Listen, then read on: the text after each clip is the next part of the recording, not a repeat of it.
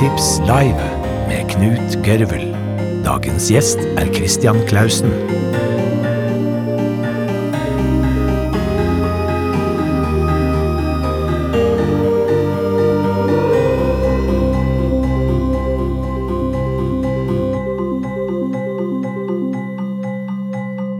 Christian Clausen er en av våre mest sentrale skjønnlitterære forfattere. Han debuterte i 2008 med novellesamlingen 'Måltidet i Emmaus'. Han er, eh, Bøkene hans har vært nominert bl.a. til P2-lytternes romanpris og Ungdommens kritikerpris. Og nå i vår er han aktuell med romanen 'Den lille mannen fra Argentina', som er hans tiende utgivelse. Ta godt imot Christian Clausen. Hallo. Velkommen hit, Christian. Takk for det.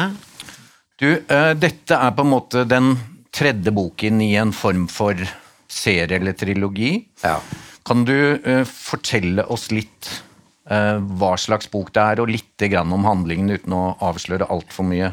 Ja, denne romanen her tar sitt utgangspunkt i han som kalles arkitekten bak holocaust, Adolf Eichmann.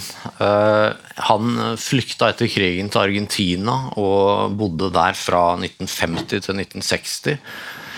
Så ble han eh, gjenkjent eh, på en kafé, og det førte til at han ble eh, kidnappa av Mossad og eh, brakt tilbake til Israel og stilt for retten i Israel i 1960.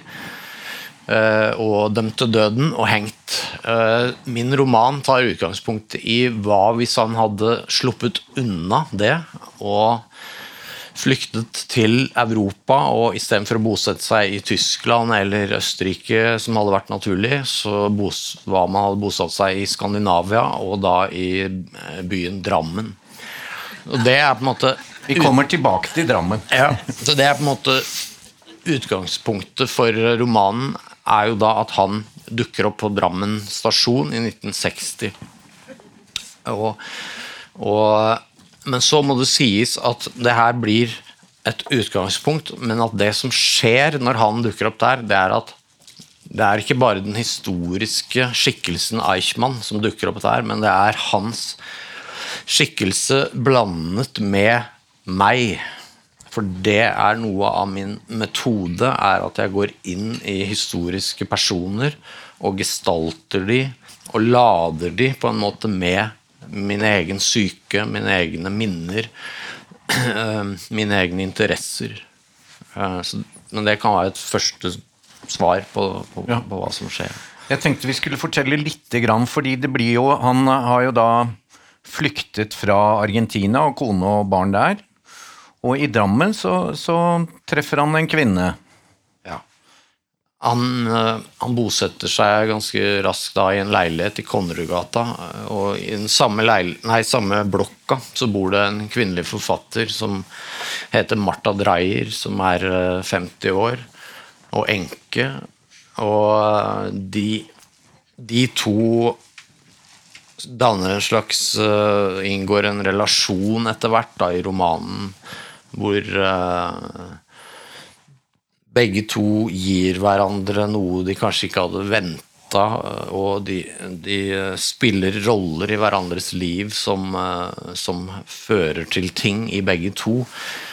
Altså, noe av det viktigste tenker jeg er at her er et samvittighetsdrama, og at eh, den virkelige Adolf Eichmann Ifølge Hanne Arendt, som skrev en eh, bok om han, eh, Eichmann i Jerusalem, så betonte hun veldig det at han virka helt blotta for anger. Han, eh, han var veldig ordinær, men han hadde på en måte ikke noe samvittighet. Han var opptatt av å forsvare seg selv. Så min oppgave når jeg gikk inn i det her, var hva hvis det hadde vært meg, en som meg, som har litt samvittighet, og som har på en måte eh, en evne til å gå i seg selv hvis man har gjort noe galt. og sånn. Hva, hva da, når man har stått bak noe så horribelt som det Eichmann gjorde? ikke sant? Så, så romanen eh, utforsker det på, eh, greiene der, da, det samvittighetsdramaet der. Da. Og det som er gøy, ikke minst for oss som har lest de tidligere bøkene her, er at denne Han heter jo ikke Adolf Eichmann her, men eh, når han leser en bok, Anne F. Eller, altså, ikke sant? Da plutselig altså Det er litteraturen som fører til at han blir emosjonelt opptatt. Ja, det, Og den forrige boken din het den heter jo Anne F. Ja. Ja. Så alt henger sammen med alt her. Men Ja. eh, det er eh, litteraturen som får eh, vekker følelsene i ham. Ja, det er jo det. Er det.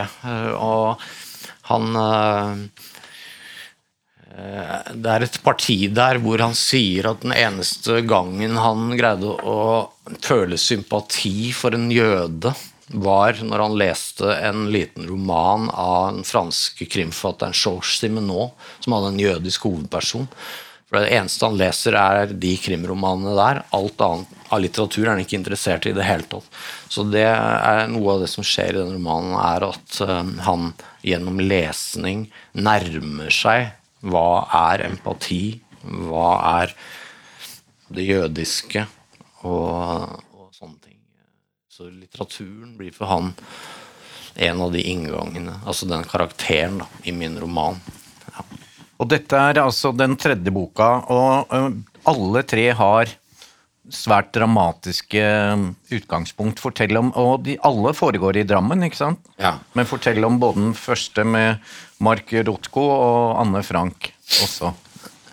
Ja, Den første i den trilogien, 'Døden i arbeid', handler om Mark Rothko, som var en jødisk eh, billedkunstner som egentlig bor i New York, som jeg da flytter til Drammen. Og han eh, hadde et uh, mangslungent liv, men også veldig tungt. eh, og han eh, begikk selvmord i 1970, og han etterlot seg ikke noe, noe avskjedsbrev eller noe sånt. Så min roman 'Døden i arbeid' er på en måte hans fiktive avskjedsbrev. Eh, og jeg gjør det samme på en måte der, at jeg dikter meg sjøl inn i hans bilder og hans eh, liv. Sånn at den første romanen var 'Døden i arbeid' om Mark Rothko i Drammen. Neste var Anne F. om Anne Frank i Drammen. I den boka så er perspektivet veldig lagt til faren hennes, Otto Frank, som var mellom 52 og 55 mens det her skjedde, at de bodde på loftet og i det, i det annekset i Amsterdam. Men jeg flytter det til Drammen. Men jeg må igjen da poengtere at det er ikke det eneste jeg gjør. Det er ikke bare at jeg flytter historiske skikkelser til Drammen, men det er det at Otto Frank, f.eks. Da blir det på en måte at jeg skriver meg inn i Otto Frank, blander meg sjøl inn. Jeg har sjøl en datter som er i tenåra, da og da prøvde jeg å tenke hvordan hadde jeg sjøl reagert hvis vi var i den situasjonen eh, som Frank-familien var i. Eh, så at det er hele tida snakk om en slags fusjon mellom meg og mitt og de historiske skikkelsene lagt da til Drammen. Og, og, og det har jo òg sin, måte, sin eh, nødvendighet i at jeg sjøl har vokst opp i Drammen og gått i de gatene og kjenner dette her. Så ved å legge de til de gatene og de strøka jeg kjenner, så kommer det mye nærmere meg. Da. Ja, for det begrepet rundt denne typen bøker er vel kontrafaktiske. Men hva, hvor mye er eh, faktisk virkelighet, og hvor mye er din fiksjon? Ja? Kontrafaktisk så er, blir det ofte sagt at hvis du skal lage en god kontrafaktisk roman, så skal du ha alt skal være riktig fakta, unntatt én ting. Du kan ljuge om én ting. Men i mine romaner så er det bryter jeg litt de reglene, for jeg, jeg har noe som er historisk etterrettelig, men jeg går også inn i det sånn som man går inn i en drøm. Og i drømmer så er tid og rom litt oppheva. Sånn at jeg har en større frihet der. Så at noe av det er etterrettelig. F.eks. i Anne F. så er det fulgt veldig nøye de stadiene i kan du si, fangenskapet til Frank-familien. Og årstall og, og, og sånn. Men Otto Frank, han og flere andre har på en måte dikta inn hans bakgrunn, hans minner, hvem han har vært forelska i, at han har spilt på fotballklubben Dravn ikke sant, i Drammen. Så, så det er en, en, eh, Så det er ikke sånn som måte, Philip Roth, som skrev 'Plot Against America', som er en av de mest kjente kontrafaktiske romanene.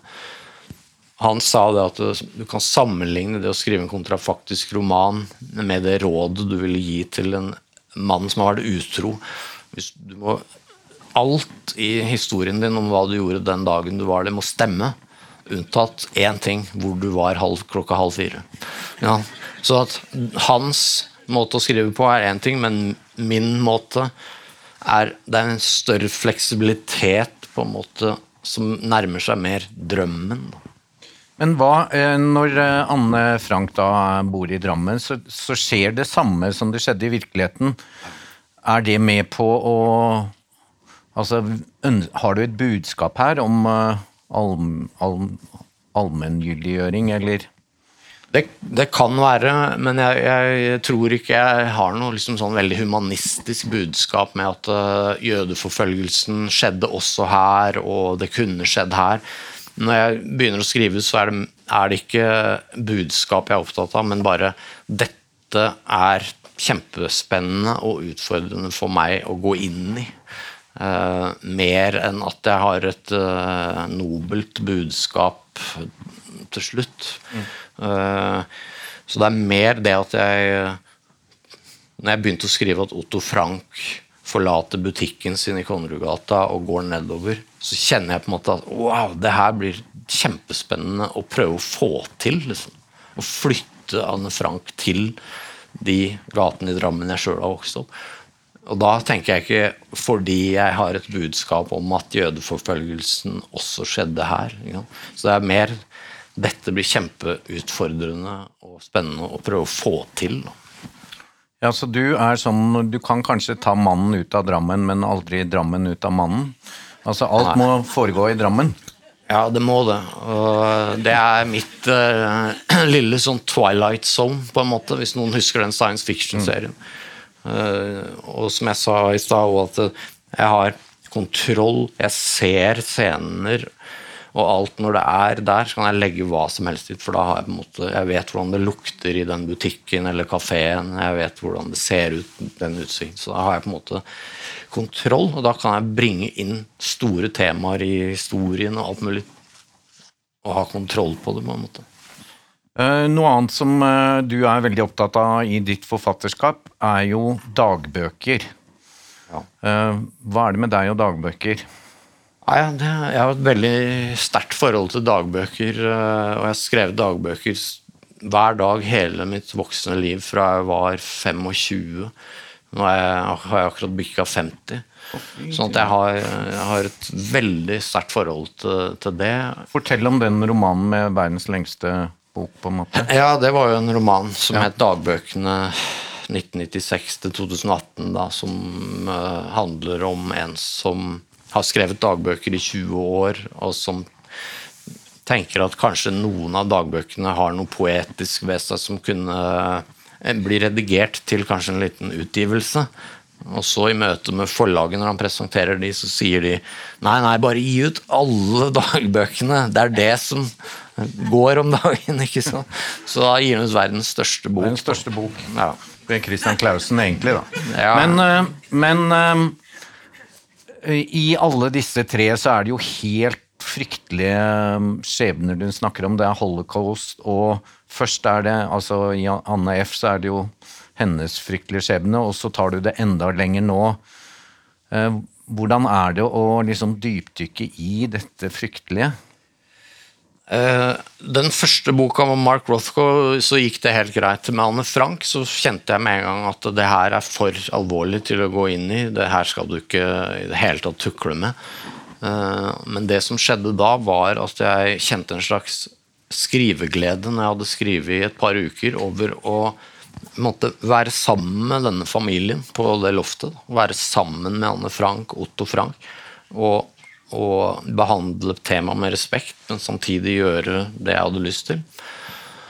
Med den siste så var det enda verre. Eh, da kjente jeg en ganske sterk motstand eh, i mange uker når jeg hadde fått ideen, og når jeg skrev. Litt fordi at når man skriver en roman, så tenker man at man skal gjøre hovedpersonen eh, sympatisk. Og jeg syntes det var utrolig vanskelig å tenke at jeg skulle på noe vis gjøre Alf Eichmann sympatisk for leseren. Sånn at jeg, jeg tenkte hele tida at det her skal du passe deg for å, å prøve å gå inn i. Men så skjedde jo det at når jeg gikk inn i det, så, så ble det ikke så bekmørkt likevel. Og kanskje for, nettopp fordi at jeg la det til mitt univers og, og den type ting. Men, men den, den, var vanskelig å skrive også fordi etter at jeg hadde skrevet Anne F., så følte jeg en veldig sånn lojalitet til det jødiske. For jeg hadde satt meg så mye inn i det jødiske og Anne Frank at det ble vanskelig på en måte å gestalte en så pill råtten fyr mm. i motsatt ende. Sånn at de to siste har vært, har vært prega av veldig sånn motstand i begynnelsen, til jeg kommer inn i det og tenker at uh, jeg er jo i det universet mitt i Drammen, og, og da kan det gå, fordi jeg kjenner en slags skriveglede når jeg er der inne. Men man får jo en viss sånn undring når man leser, for man på, Som ofte med hovedpersoner, så får man jo Du har jo lagt en del av deg selv i han, så man får jo på en måte et eller annet Man får sympati for han òg. Er, ja. er, ikke det ille, da? jo, det er ille. Så, men det er jo noe med Takk for at den. det er jo også noe med det at Hanne Arendt sa jo at det skremmende med Eichmann var at han ikke var en, en iskald sadist. Han var så veldig ordinær, ikke sant. Og hun skriver jo òg i den Eichmann i Jerusalem om at hele Nazi-Tysklands maskineri ville jo aldri fungert hvis det var sånn at det bare var de aller verste psykopatene som deltok. Det var jo nettopp det at det, var så mange vanlige mennesker i hele det maskineriet. ikke sant? Så altså, vi kanskje lett for liksom, Ja, Eichmann han var et monster. Han er der. ikke sant? Men hvis man begynner å tillegge sine egne personlighetstrekk og interesser og minner, sånn, så, så kommer man nærmere det skremmende faktum at mange er i stand til det, gitt de rette omstendigheter. Uh, Sånn at øh, Og det er på en måte noe av romanens fortrinn, syns jeg, kontra mange andre sjangere. At du kan uh, gå inn i, i sånne paradokser og, og, ting som ikke er uh, har klare svar, på en måte. Redaktøren din, Sigmund Sørensen, han mener som Gro gjorde i gamle dager, at alt henger sammen med alt. Og dette er den tiende romanen din. Og din store helt er verdens kanskje mest kjente nummer ti, Maradona. Ja. Er det derfor romanen heter 'Den lille mannen fra Argentina'? Det, var, det er en veldig rar tilfeldighet at, eh, at, det er bok nummer ti, og at den har Argentina i tittelen. Men jeg så at det var noen som hadde på Facebook som hadde skrevet uh, 'Snakk om skuffelse'. Man tror det er en bok om Maradona, og så viser det seg å være om Adolf Eichmann. ja, det høres ikke bra ut. Uh, da tenkte jeg helt til slutt at jeg kan spørre deg om hva nå? Kommer det enda en bok? Antagelig kommer handlingen lagt til Drammen, vil jeg tro. Men hva slags bok jobber du med nå? Nei, altså Jeg tror jeg må svare sånn at når man har skrevet noen bøker, så er det i hvert fall sånn for meg at det ikke lenger er sånn at jeg sitter og tenker og jeg lurer på hva den neste boka mi skal handle om, og hvor den skal foregå. Fordi at nå begynner det å bli en linje og en konsekvens i det lille universet jeg har. Så at uh, nå kommer neste brikke i det store puslespillet som er mitt forfatterskap. Så det, det er knytta til de andre, føler jeg. Men mer Eh, enn det om work in progress skal man mm. ikke si. Nei, eh, men da må dere i hvert fall gi Christian Clausen en kjempeapplaus. Tusen takk.